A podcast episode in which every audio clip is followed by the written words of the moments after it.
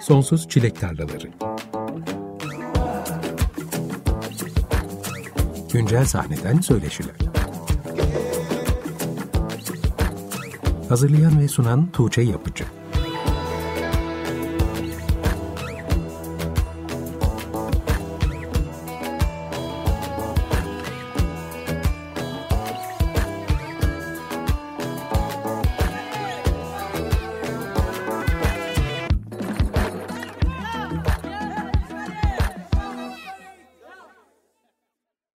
95.0 Açık Radyo'da 56. yayın döneminin ilk Sonsuz Çilek Tarlaları programından herkese merhaba. Ben Tuğçe Yapıcı. Yeni bir yayın döneminde daha beraberiz. Geçen yayın dönemi boyunca programdan yolu geçen tüm sanatçılara, kayıtlarını çaldığım ve konuk olan herkese, programın tüm destekçilerine, yorumlarını esirgemeyen, bir yerlerde bu programı dinlediğini hissettiren tüm dinleyicilerime ve tabii ki Açık Radyo'nun müthiş ekibine teşekkürlerimi sunarak yeni yayın döneminin ilk programına başlıyoruz. Bu akşamın açılışını Evdeki Saat'in Sustum adlı parçasıyla yaptık. Önümüzdeki bir saat boyunca Evdeki Saat'ten şarkılar dinlemeye devam edeceğiz. Çünkü kendisi bu akşamki konuğum. Hoş geldin Eren. Hoş bulduk, merhaba.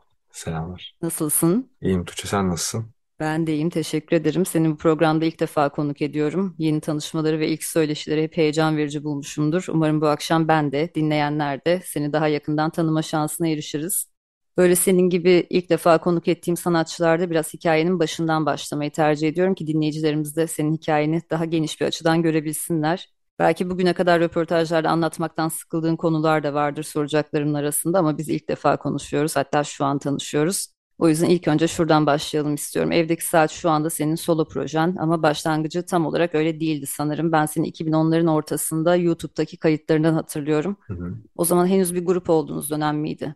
Ee, şöyle ilk başta bir arkadaşımla birlikte başladık. Ee, çok amatör bir şekilde kayıtlar almaya başladık. Yani o zaman işte 2010'ların ortasında evde kayıt alıp yayınlıyorduk. O zaman gruptuk işte gruba bir takım insanlar giriyordu çıkıyordu böyle yani şu ana kadar toplamda 20 kişi girip çıkmıştır sanırım. Baya fazla. Sonunda değişmeyen kişi ben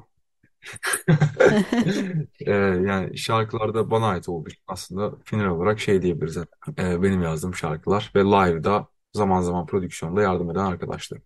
Evdeki Saat ne kadar süre bir grup olarak devam etti ve sonrasında sen hangi noktada üretimlerine solo devam etmeye başladın?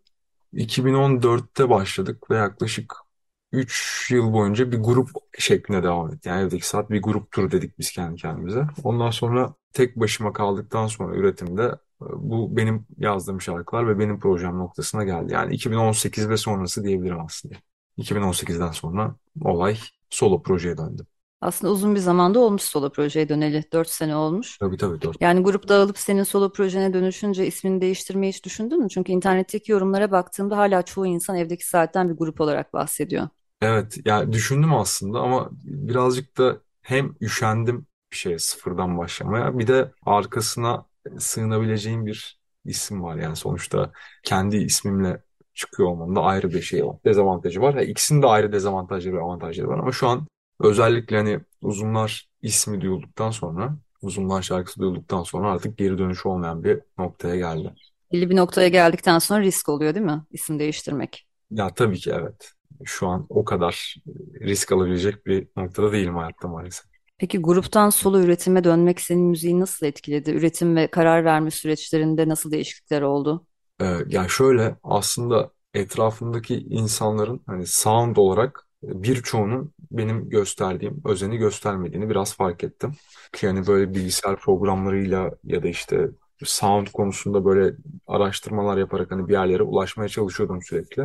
Ya orada birazcık diktatörlük olmadan sanırım işlemiyor gibi bir noktaya geldi. Çünkü okey herkesin fikri değerli ama herkes bir fikir ortaya sunarken e, senin kadar özenli davranıyor mu? Bence o dönem davranmıyordu ve bu durum beni aslında solo ilerlemeye gitti.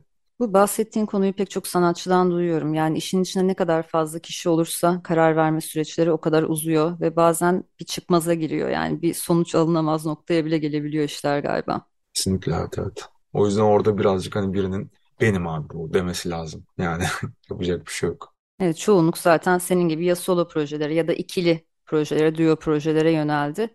Sahne için yine çeşitli müzisyenlerle çalışıyorlar. Sahne ekipleri daha geniş oluyor ama üretim aşamasında çok daha yalnızlaşma söz konusu galiba son dönemde. Evet evet kesinlikle. Ve insanlar da hani birazcık da artık son birkaç yıldır e, bilgisayar programlarına hakim olmaya başladıkça daha kolay bir hale geldi. Haziran ayında Huzursuzluğun Meyvesi adında bir albüm yayınladın. Üzerine konuşma şansımız olmamıştı. Bu akşam konuşacağız. Albümden kapsamlı bahsedeceğiz programın ilerleyen bölümlerinde ama o zamandan bu yana ilk defa 14 Ekim'de yeni bir single yayınladın. Hı hı. Şarkının ismi Kalkmam Gerek. Birazdan onu dinleyeceğiz. Aslında albümdeki sound'u devam ettiren bir parça gibi yorumladım bu şarkıyı. Sanki albümde de olabilirmiş. Oradan kopuk bir parça değil. Hı hı. Belki şarkıyı dinlemeden önce biraz bahsetmek istersin bu şarkıdan. E, kalkmam gereği aslında albümden sonra işte Ağustos gibi falan yazdım. Ve yine yazdığım şarkıyı olduğu gibi yayınlamak istedim yani çok da uzatmadan. Albüm aslında albüm atmak mantıklı değildi. E, ama hadi albüm atalım ve albüm olsun diye attık yani. Ki insanlar da şey diyor bazen 7 şarkılık albüm mü olur? Hani biraz daha eskiler diyor bunu. Hani 2000 ve sonrası jenerasyon değil de artık 90 ve öncesi jenerasyonlar bunu söylüyor. Artık genelde 7 şarkı ama bir LP için Evet elzem olan 7 parça. Onu tamamladığında LP sayılıyor ve kimse daha fazlasını da harcamak istemiyor artık. Aynen ya benim albüm anlayışım da bu değil ama şu anki durum bu maalesef. Maalesef diyorum ya ben şahsen maalesef diyorum ama ayık durmak zorundayım. Yani e, o yüzden e, böyle bir tercih yaptık. Albüm attık ve albüm olsun diye attık. Sonrasında e, yine single single gitmeye devam edeceğiz. Albüm öncesinde albümden 3 single yayınlamıştın. Sonrasında albüm geldi. Peki demin bahsettiğine istinaden soruyorum. Herhangi bir dezavantajı oldu mu? Bazı şarkıların çok öne çıkması, bazılarının geri planda kalması gibi. Aslında single olarak attığımız şarkılar dinlendi. Albümün içine attığımız şarkılar dinlenmedi gibi. Hani bu, bu şarkının niteliğiyle çok bağlantısı olan bir şey değil sanırım. Tamamen albüm olduğu için dinlenmediğini düşünüyorum. Çünkü hani buna böyle istatistiksel baktığım zaman da anlamlı gelmiyor. Hani mesela kalkmam gerek örneği de var önümde şu an. Mantıklı değil. Yani bundan sonra da albüm atmak herhangi bir mantığa sığmıyor şu an. Ama istediğin için mi yaptın? Yani bir albüm ortaya koyma fikri mi seni cezbetti? Evet aslında. O da birazcık şeyden hani oldların da gönlünü almış oldum gibisinden bir noktadan. Hadi albüm yapalım dedik aslında. Yok, yoksa bir anlamı yok. Senin dinleyici kitlen peki çok genç bir kitle mi? Yani 18 yaş altı gruptan çok dinleyicin var mı? O albüm dinleme alışkanlığına sahip olmayan bir kitle mi? Var var kesinlikle. Yani albüm dinleme alışkanlığına sahip olmayan büyük bir kitle var. Aslında böyle biraz 40 yaşına kadar insanların da ya böyle hani tespitim birazcık bu. O jenerasyonda insanların da dinlediği bir müzik olduğunu fark ettim birazcık. Ee, ama tabii geniş bir skaladan insan dinleyicisi var ve hani herkesin algıladığı şey ve almak istediği şey de farklı orada hani. İlginç. Buna karar veremiyorsunuz bir şekilde. Peki benim gibi albüm sevenlerin de gönlünü almış oldum bu albümle. Şimdi dilersen iki parça dinleyelim senden. İlk Kalkmam Gerek. Bu son yayınladığın single az önce bahsettiğimiz parça. Sonra albüme döneceğiz. Huzursuzluğun Meyvesinden Rüyadasın adlı parçayı dinleyeceğiz. Sonrasında evdeki saatte sohbetimize kaldığımız yerden devam ediyoruz. Açık Radyo'da Sonsuz Çilek Tarlaları programı devam ediyor. Bu akşam evdeki saatten şarkılar dinliyoruz. Kendisi bu akşamki konuğum. İlk önce kalkmam gerek hemen ardından da Rüyadasın adlı parçalarını dinledik evdeki saatin. Eren programı bu bölümünde Haziran ayında yayınlanan ikinci Evdeki Saat albümü Huzursuzluğun Meyvesinden bahsetmeye başlayalım istiyorum. Albümün ismi nereden geliyor öncelikle? Albümün ismi Twitter'da Cihat Akbel diye bir kullanıcı var. Ee, onun böyle birkaç sene önce attığı bir tweetten geliyor. Tweet şu. Hiçbir zaman tam olarak huzuru bulacağımı düşünmüyorum ama artık bu huzursuzluk meyvesini vermeli diye bir tweet'i var. Ve hani gördüğüm an çok hoşuma giden bir tweet. Sonrasında albümün hikayesini düşününce de evet bayağı huzursuz vakitler geçirdiğimiz oluyor. Ve bu çıkan şarkılarda huzursuzluğumuzun meyvesi aslında gibi bir noktadan öyle bir isim koymak istedim. Bu defa albümün prodüksiyonu da sen üstlendin? Evet yani şöyle prodüksiyonu tamamen benim yaptığım şarkılar var. İşte atıyorum Sustum'u tamamen ben yaptım. Böyle iyiyimi arkadaşlarımla yaptık. Birine birisi katkı verdi, birine ötekisi verdi. Ee, ama hepsinin içinde en az %50 prodüksiyonda katkım var. İlk albümle ikinci albüm arasındaki keskin müzikal farklılık bundan mı kaynaklanıyor? Ee, o birazcık da şeyle alakalı yani. İlk albümdeki şarkılar mesela 2014'te çıkan bir şarkı var. Ve 2014'te ben 18 yaşındayım. Şu anda bu albüm çıktığında 27 yaşındayım. Tabii hani dünyayı algılayış biçimi, bilgi, birikimi her şey çok değişti. Yani sonuçta 8-9 sene var arada. Birazcık akış diyelim ona yani. İfade biçiminde değişmiştir muhtemelen. Aynen. Sound arayışında değişmiştir. Aynen. Albümde Adana Köprübaşı cover'ı dışında tüm şarkıların söz ve müzikleri sana ait sanırım. Doğru. Adana Köprübaşı parçasının da albüme girmesinin bir hikayesi var. Belki ondan da bahsetmek istersin biraz. Ee, Adana Köprübaşı aslında böyle bir buçuk iki yıllık bir proje. Ben daha önce de yapmıştım o şarkıyı. Sonrasında tekrardan geldi aynı proje. Bu sefer hani biraz daha elektronik müzik bilgim arttıktan sonra ve aynı zamanda o dönemki gitaristimiz de Adanalı olduğu için dedim ki hani biz bunu tekrar bir yapalım. Bir üstünden bir cilalayalım bakalım ne oluyor. Bahadır'la mı çalışıyordunuz o zaman? Evet, Bahadır'la çalışıyorduk. Kendisi de hem Adanalı hem de hem yetenekli bir gitar e, virtüözü hem de bağlamacı diyebiliriz. Yani hem de teknocu. Yani bunların hepsi bir yerde birleştiği için. Bahadır'ı tanıyorsun diye anlıyorum. Tanıyorum evet programda da konuk etmiştim geçen yıl hatta Kadir Bartal projesiyle. Diğer çalıştığı projelerden de bahsetmiştik. Dediğin gibi çok yönlü bir müzisyen. Aynen. Yani çok gördüğüm en yetenekli insanlardan birisi. Böyle bir güzel mix oldu. Kendisi de çok büyük katkıda bulundu yani şarkı. Albümde emeği geçen isimleri de analım isterim. Sahnede sana eşlik eden bir ekibin var. Sahnede daha kalabalık oluyorsunuz, tek başına değilsin. Albümde de aynı isimleri görüyor muyuz? Yüce genellikle var yani Yüce Akın işte hem prodüksiyonda hem sahnede sahne şefimiz aynı zamanda.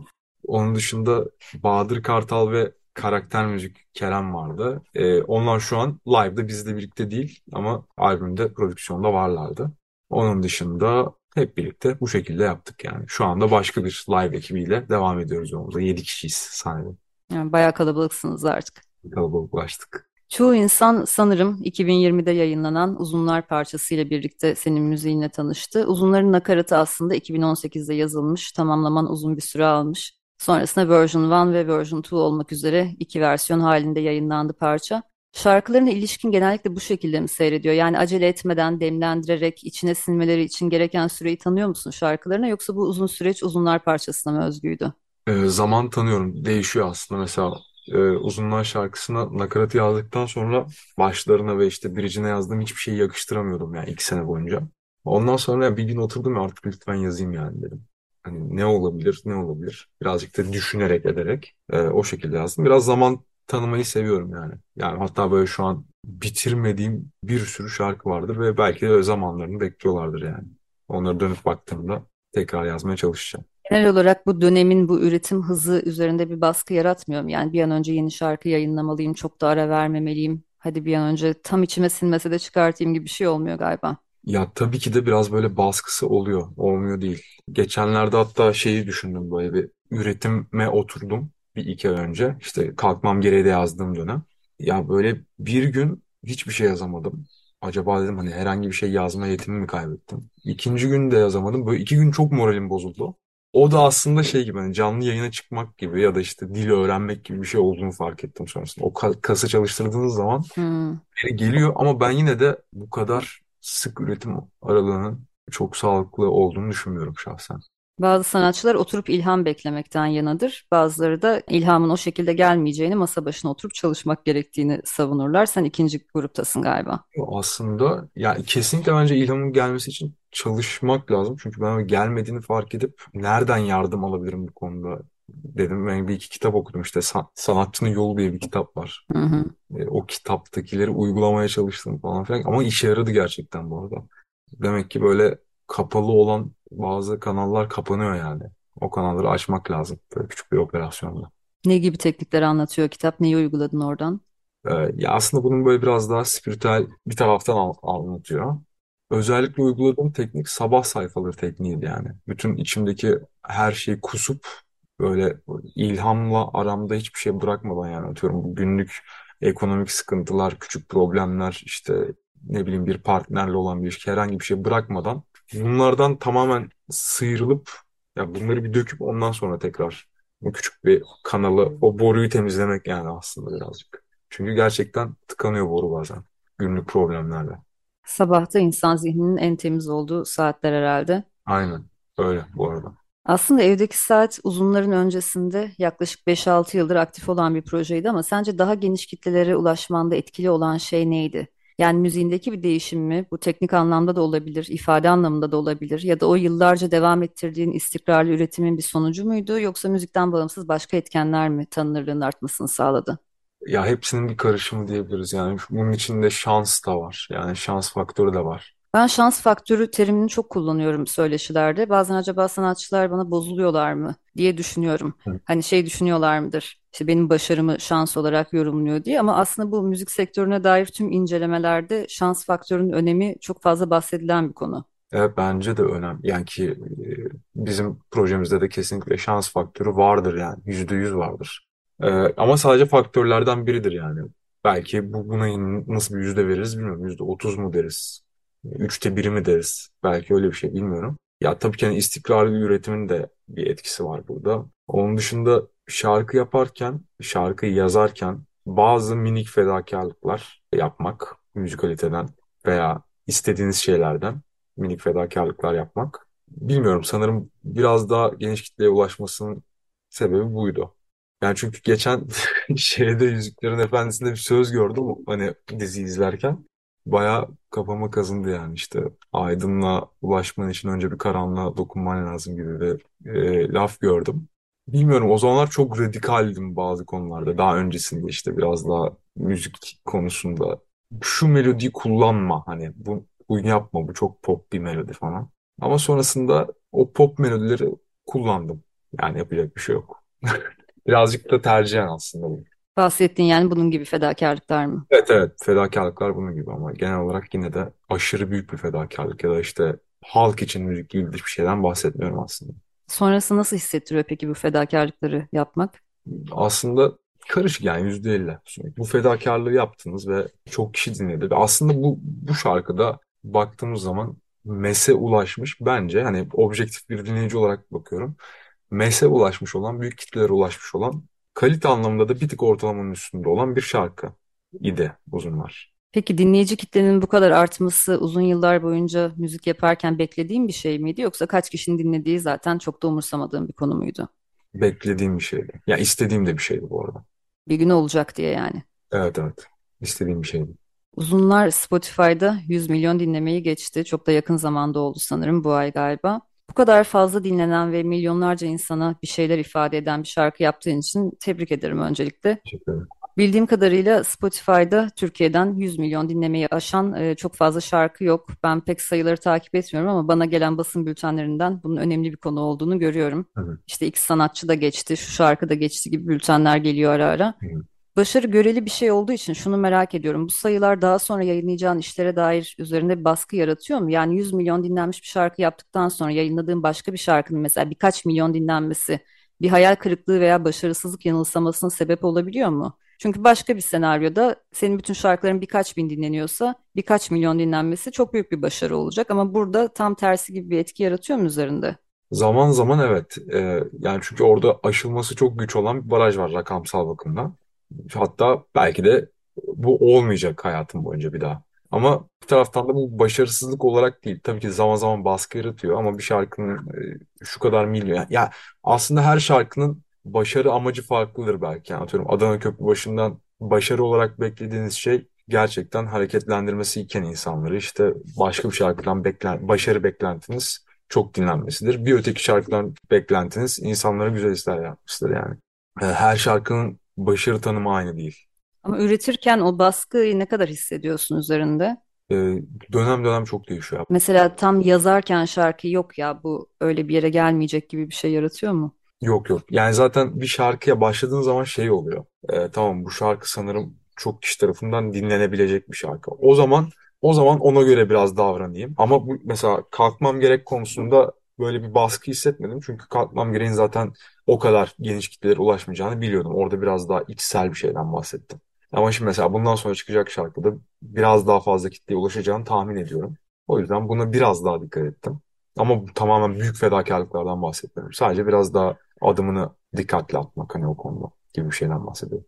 Yine böyle hit olan şarkılara dair hep merak ettiğim bir şey daha var. Sen de konuyu biraz oraya getirdin. Şarkıyı yazarken belki tamamladığın anda ya da yayınlamadan önce yakın çevreni dinlettiğinde gelen yorumlardan bu kadar ilgi göreceğini hissetmiş miydin uzunların? Yani diğer şarkılarından farklı bir şey yaptığın hissi gelmiş miydi sana yoksa yayınladıktan sonra seni de şaşırtan bir sürpriz mi oldu bu ilgi? Geldi geldi. Yani biraz daha fazla dinleneceğini farkındaydım. ama e, hiç aklımda 100 milyon gibi bir şey yoktu ama. Bu biraz hani hayallerim ve şeyimin hani beklentilerim dışında bir durum oldu aslında. Uzunlardan çok bahsettik. Şimdi dinleyenler merak etmişlerdir. Zaten çoğu biliyordur diye düşünüyorum. Hatta bilmiyorlarsa da biliyorlardır. Belki şarkıyı biliyorlardır, senin olduğunu bilmiyorlardır. Ama bir yerlerde mutlaka kulaklarına çalınmıştır. Çünkü her yerde duyuyorum ben bu parçayı. Sokağa çıktığımda da, bir mekana oturduğumda da, bir araca bindiğimde de, radyolarda da çalıyor. Uzunların yakın zamanda bu ay 100 milyon dinlemeyi geçen Version One yani birinci versiyonu dinleyeceğiz şimdi. Hemen ardından da yine evdeki saatten albüme döneceğiz ve Böyle İyiyim parçasını dinleyeceğiz. Sonrasında Eren'le sohbetimize kaldığımız yerden devam edeceğiz. 95.0 Açık Radyo'da Sonsuz Çilek Tarlaları programı devam ediyor. Evdeki saatten şarkılar dinliyoruz bu akşam. Kendisi bu akşamki konuğum. Uzunlar ve Böyle İyiyim dinledik. Eren 2000'lerin ikinci yarısında senin bir de rap müzik dönemin varmış. Bunu hiç bilmiyordum. Program hazırlanırken öğrendim. Hatta ilginç bir şekilde o zamanlar Ezel ismiyle üretiyormuşsun. İçinde H harfi olmayan bir Ezel. Ne kadar sürdü o dönem? Hangi yıllara tekabül ediyor? 2007, 2007. sınıftan böyle liseye kadar uzanan bir süreçte rap ürettim. Ezel adım ama sonrasında baktım Ezel sanırım Elçin Orçun'un kullandığı bir isimmiş o dönem. Elçin Orçun'u bilenler biliyordur sanırım. Elçin Orçun kullanıyormuş. Sanırım o da bahsetmişti yine programda ağırladığımda.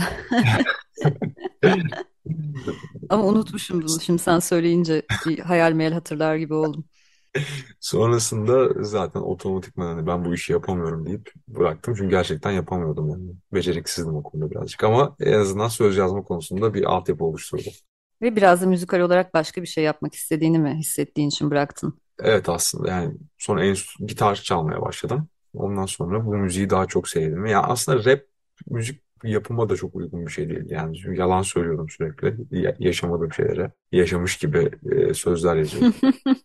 O da çok e, bana gelen bir şey değil şahsen. Bu, bu ayrı bir sanat yani ama benim sevdiğim bir sanat değil tabii ki. Yani şey olarak ürete, üretmek olarak dinlemeyi severim. Sonra daha iyi bildiğim şeyi anlatayım dedin. Evet yani en azından hani gerçek bir şeyler yazayım bari dedim. Şimdiki dinleyicilerin senin o rap dönemini biliyorlar mı? Belki fanların biliyordur. Bilmiyorlar çünkü e, sanırım lisenin son sınıfında böyle biz alt sınıflarla kavgaya tutuşmuştuk falan filan. Ondan sonra bütün okula bunlar yayıldı, görüntüler, kliplerimiz yayıldı falan. Çok dalga geçmişlerdi. Ben de sildirdim hepsini. Yok ettim. Yani o dönemden kayıtlara bir yerlerden ulaşmak mümkün değil mi Yani şu an? sanırım değil ya. Ben çünkü sonrasında araştırdım bayağı. Çok da güzel anılardı aslında da. E, o lise kafasında şey düşünemiyorsun. E, ileride bunlar komik olacak ana olarak. Değil de yani rezil olmayayım içgüdüsüyle sildiriyorsun onları.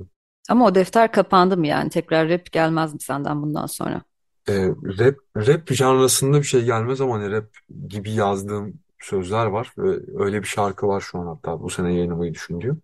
Sanırım bu sene öyle bir şey yayınlayacağım. Ama belki hani rap janrası içinde olmaz. Hani konuşma gibi biraz daha. Ama kafiyeli konuşma gibi düşünebiliriz bunu. Aslında az önce dinlediğimiz Böyle İyiyim parçasında da öyle bir bölüm var. Evet evet aslında biraz daha ona yakın. Hatta onun biraz daha hızlısı değil. Biraz daha spoken word gibi aslında. Aynen. Aynen. Artık janralar tamamen iç içe geçtiği için zaten sadece rap yapmana da gerek yok. Yine istediğin noktada bir yerde kendi müziğine de onu entegre edebilirsin tabii. Tabii ki de. Her an istediğim zaman rap yazabilirim. Şimdi yavaştan programın sonuna doğru yaklaşıyoruz. O yüzden evdeki saate geri dönelim istiyorum. Yakın zamanda bir Almanya ve Hollanda turnesine çıktın. Aynen. Hangi şehirlere uğradın ve kaç konserlik bir turneydi bu? Ee, Üç konserlik küçük bir turneydi. Rotterdam'dan başladık. Amsterdam'a geçtik ve sonrasında Frankfurt'a geçtik. Üçü de çok tatlıydı yani. Ee, özellikle Amsterdam çok güzel bir konserdi. Rotterdam da çok güzeldi. Frankfurt gelen kişiler olarak e, biraz daha gurbetçi olarak tanımlayabileceğimiz insanlar. Tabii ki onlar da onları da çok hani başımızın üstünde yerleri var. Benim en çok keyif aldığım Amsterdam konseriydi. Yurt dışı turnelerinde hep bunu merak ediyorum. Yani gelen izleyici kitlesi oradaki Türkler mi oluyor yoksa orada yaşayan yabancılar da oluyor mu? Yabancılar %10-20 arası gibi böyle bir %10 diyeyim hatta yani. Atıyorum 250 kişi varsa 25 yabancı vardır içlerinde. Ama e, onlara bir şey sergilemek de tabii ki ayrı bir deneyim oluyor. Genelde Türk ağırlıklı oluyor. Türk dinleyiciler gelmiş oluyor yani aslında. Yani çoğunlukla seni bilen, seni bilerek gelen şarkılarını ezbere bilen, eşlik eden bir kitle vardı diye tahmin ediyorum. Kesinlikle ve hani şunu fark ettim böyle gelen kişiler yine Türkiye'den böyle belli ki başarılı üniversite öğrencileri ve üniversiteyi orada okuyorlar şu an. Yani biraz böyle beyin göçüyle Hollanda'ya yolladığımız buradaki güzel bir kitlenin oraya geldiğini fark ettim. Yani Türkiye'de güzel bir kitle diyebileceğimiz bir kitlenin orada okuduğunu veya çalıştığını ve konsere geldiğini fark ettim yani. İlk Avrupa turnen miydi? İlk Avrupa turnuvası evet. Bu daha sık yapmak istediğim bir şey mi peki? Ufukta görünen belki üzerinde çalışılan başka yurt dışı turneleri de olacak mı? Evdeki saatte olacak mutlaka. Ama evdeki saatin dışında da biraz daha böyle yurt dışında konser verebileceğim bir projenin hazırlıklarındayım şu an. Ya hatta Türkiye based olmayacak bir proje planlıyorum şu an. Yani önümüzdeki yani şu an 27 yaşındayım. 30 yaşıma kadar bu projenin artık konser verebilen, turneye çıkabilen bir proje olmasını hedefliyorum. Başka bir isimle olacak yani. Evet, evet, evet. Ama evdeki saatte tabii ki ayrı bir kanaldan devam eder. Peki evdeki saatte bu Avrupa turnesine de 7 kişilik ekiple mi çıktınız? Ee, yok bu sefer 3 kişilik ekiple çıktık. Çünkü hani masrafları bir şekilde bu Evet. kadar düşürmemiz gerekiyordu. Ya altyapı, gitar, klavye ve vokal şeklinde. Yani bir arkadaşımız hem altyapı hem gitara bakıyordu. 3 kişi gittik ve gayet sound olarak da güzel sonuçlar aldık. Çünkü çok büyük venülerde çalmadık aslında. Diğer planladığın projede de küçük bir ekip mi olacak? Belki tek başına mı düşünüyorsun o mobiliteyi kolaylaştırmak için? Ee, küçük bir ekip düşünüyorum. Yani şu an örnek olarak baktığım zaman önümde çok aşırı bir örnek yok ama ekip sayısı ve böyle herkesin yaptığı işler olarak, sound olarak demiyorum. Lalalar Hı hı. örneğin bir şey e, olur diye tahmin ediyorum sayı olarak. Yine Türkçe sözlü parçalar mı olur yoksa tamamen yurt dışına odaklı İngilizce sözlü ya da enstrümantal bir müzik mi olur? İngilizce veya enstrümantal olur. Planlamayı yapmışsın. Hatta yani yazdığım parçalar işte prodüksiyona başladığım parçalar da var. Ee, bunlar ama tabii biraz daha 2025'in ve altının konuları. Uzun dönem planlamalarla ilerliyorsun aslında. Hiç böyle biri değildim ya aslında. Yani. Ama şu hani şu en son Avrupa'ya gittikten sonra birazcık bu konuda planlama yapmam gerektiğini fark ettim. Çünkü orada olmak istiyorum yani. Daha fazla orada olmak istiyorum. Yani en azından bir ayağımın orada olabilmesinin garantisini istiyorum. Yani e, tabii bunun için müzik yapmıyorum. Sevdiğim müziği oraya nasıl taşıyabilirim? Orta yolu nasıl bulabilirim bu onu düşünüyorum. Çok açıdan galiba zihin açıcı oluyor bu Avrupa konserleri, Amerika konserleri. Kesinlikle. Müzisyenlerden hep böyle şeyler duyuyorum. Yani oradaki müzisyenlerin tavırlarının çok farklı olması, işte müziğe bakışları, sektörün sanatçıya bakışı gibi konularda çok etkilenerek dönüyorlar genelde. Yani müthiş gerçek. Bazı şeyler çok şaşırıyorsun yani. Bazı durumlara şaşırıyorum. Mesela ben burada bir festivale ya da bir yerde konsere giderken sabah kalktığımda şey diyorum. Hadi bakalım bugün ne savaş yaşayacağız? Bugün bir savaş vereceğiz ama kiminle savaş vereceğiz acaba? İşte oradaki teknik ekiple mi savaş vereceğiz? İşte e, o festivalin sahne amiriyle mi savaş vereceğiz falan. Burada konsere gittiğimde şey oluyor. Adam diyor ki oradaki teknik adam. Ya özür dilerim ben şunu yanlış yaptım. Hani özür dilerim ben bunu ya senin canın sağ olsun hani senin canını Hı yeriz yani. hı. Tavır bu olduktan sonra bir orta noktada buluşuruz, değil mi? Yok tabii ki ama hani bir savaş gibi değil de herkes ortaya bir iş çıksın. İyi niyetiyle yaklaştığı için. Bence bu ülkemizde değişmesi gereken şeylerden birisi. Bu çok da konuşulmayan bir konu. Sanatçılar genellikle bu konuyu konuşmaktan imtina ediyorlar. Çünkü dinleyicilere de işin bu tarafını pek yansıtmak istemiyorlar. Evet. Ve yerli sahnedeki sanatçıların çok profesyonel davrandıklarını düşünüyorum sahnede. Yani organizasyonların çoğu zaman arka tarafını gören bir insan olarak orada yaşanan o karmaşaların sahneye hiç yansımaması beni çok şaşırtıyor. Gerçekten dediğin gibi bir sürü savaş veriliyor sahneye çıkana kadar. Yani çok Yani organizasyonel anlamda iş bilmezlikten kaynaklanan pek çok aksaklık yaşanıyor. hmm, Ve sonrasında sahneye çıktığınızda sanki hiçbir şey olmamış, her şey güllük gülistanlıkmış gibi müthiş performanslar sergiliyorsunuz. Gerçekten çok takdire şayan bir şey bu. Bu profesyonelliği yakalamak, o standardı tutturabilmek. evet yani başka bir şans yok. Çünkü ben burada biraz hani sanatçılara da e, sanatçılarda da suç bulabiliyorum bazen. Yani tamam organizatörler bazen kabadayı gibi davranıyor olabilir. Ki zaten bunların hepsi konuşulur yani ama yani sanatçılar da sanki böyle 40 yıllık rockstarlarmış gibi davranmasalar mı acaba zaman zaman mesela. Bu da bence ayrı bir konu. Ya ben bunu da çok gözlemliyorum. Ya iki tarafta inatçı keçi bir köprüden geçmeye çalıştığı için. Ama şimdi şöyle oluyor. Biliyorum ki karşı taraf öyle gelecek. Bu sefer de ben koruma kalkanıyla gidiyorum yani. Ben elimde kalkanımla gitmek zorundayım oraya. Evet, burada yani bir şey sorunu çok bariz. Evet, tevazu gösterdiğin zaman ona göre bir değer görüyorsun. Maalesef. Rockstar gibi davrandığın zaman ona göre bir değer görüyorsun. Maalesef. Bazen sanatçılar da mecbur kalıyor galiba öyle davranmaya. Ama önemli bir konu bence de. Evet. Yani sadece eleştirmek değil, bazen kendini de eleştirmek gerekiyor olabilir. Evet. Evet. evet. Peki programı kapatmadan duyurabileceğimiz konser tarihleri var mı acaba? Ee, bir süre konserimiz yok. Çünkü çok yoğun bir konser döneminden çıktın. Evet evet yoğun bir dönemden çıktık. Hem de artık böyle yaz ve sonbahar sezonunun yavaş yavaş kapanmasına geliyoruz. 11'inde 11 Kasım'da Bursa Milyon'da konserimiz var. Ee, ilk konserimiz bu. Kendi memleketime gidiyorum. Evet, Bursa senin memleketin değil mi? Aynen. Ne zaman çalmıştın en son Bursa'da? En son geçen ay çaldım sanırım. Yanlış hatırlamıyorsun. Aa şimdi Nilüfer Fest'te çaldım en son. Çok da arayı açmıyorsun yani fırsat buldukça gidiyorsun. Aynen. Aynen. Şimdi kışla birlikte kapalı mekanlara geri dönüş yapılacak artık. Bundan sonra herhalde yine kapalı mekan konserleri Evet. açıklanacaktır. Dinleyiciler de takipte kalsınlar senin sosyal medya hesaplarından. Eğer canlı izlemek istiyorlarsa bir yerlerde ki bence izlenmen gerekiyor. Peki yakın zamanda senden yeni kayıtlar duyacak mıyız? Tezgahta pişen bir şeyler var mı? Şimdi çok da yeni single yayınlamışken bunu da sormayı sevmiyorum ama sormazsam da eminim senin dinleyicilerin bana kızarlar. Ee, var. Ee, şöyle aslında bu senenin planlamasını dedim yani hiç, hiç öyle bir insan değildim ama hani birazcık bu alışkanlığı edindim. Biraz en azından orta vade planlama yapmak gerekiyor gibi. Şu an 2 Aralık ya da 9 Aralık gibi bir tarih versem mi ben böyle bir şey de bir şarkı çıkabilir o aralıkta. Çıkar hatta muhtemelen. Şarkı da büyük oranda hazır. Sadece vokallerini kaydedeceğim. Müziğini yaptım. Sanırım böyle bir süreçteyiz şu. Önümüzdeki bir buçuk ay içinde bir şarkı yayınlayacağız. Çok da bekletmeyeceksin o zaman dinleyicilerini. Evet, evet.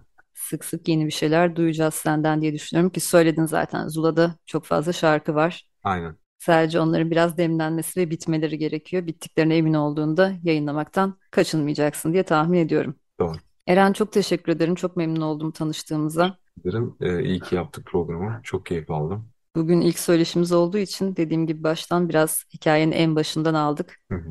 Belki çoğu röportajda anlatmışsındır çoğunu. Belki sıkılmışsındır da bilmiyorum aynı şeyleri anlatmaktan ama bundan sonraki söyleşilerimize daha güncel işlerine odaklanırız. Mesela bir sonraki albümde geldiğinde o zaman sadece albüm konuşuruz. Hı hı. Tekrar tekrar sana aynı şeyleri anlattırmayız. Ben çok keyif aldım. Çok oldukça güzel bir sohbet oldu yani. Teşekkür ederim.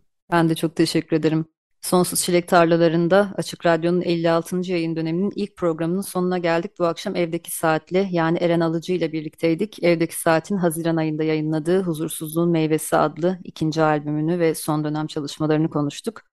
Kendisiyle ilk kez buluştuk. O yüzden yeni yayın dönemine güzel bir başlangıç yaptığımızı düşünüyorum. Bu arada yılın en sevdiğim zamanları geldi. Yaz aylarındaki durgunluk sona erdi. Albümler birbiri ardına yayınlanıyor. Ve ben konuk programı yapmakta zorlanmaya başladım. Önümüzdeki 6 ay boyunca da bu programda yerli sahneden yeni üretimleri dinlemeye ve yaratıcılarıyla buluşmaya devam edeceğiz.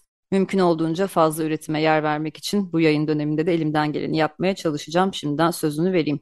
Bu akşam sizlere Evdeki Saat'in Sarmaşık adlı parçasıyla veda edeceğiz. Yine Huzursuzluğun Meyvesi albümünde yer alan parçalardan biri. Haftaya pazartesi yine saat 20'de görüşünceye kadar hoşçakalın.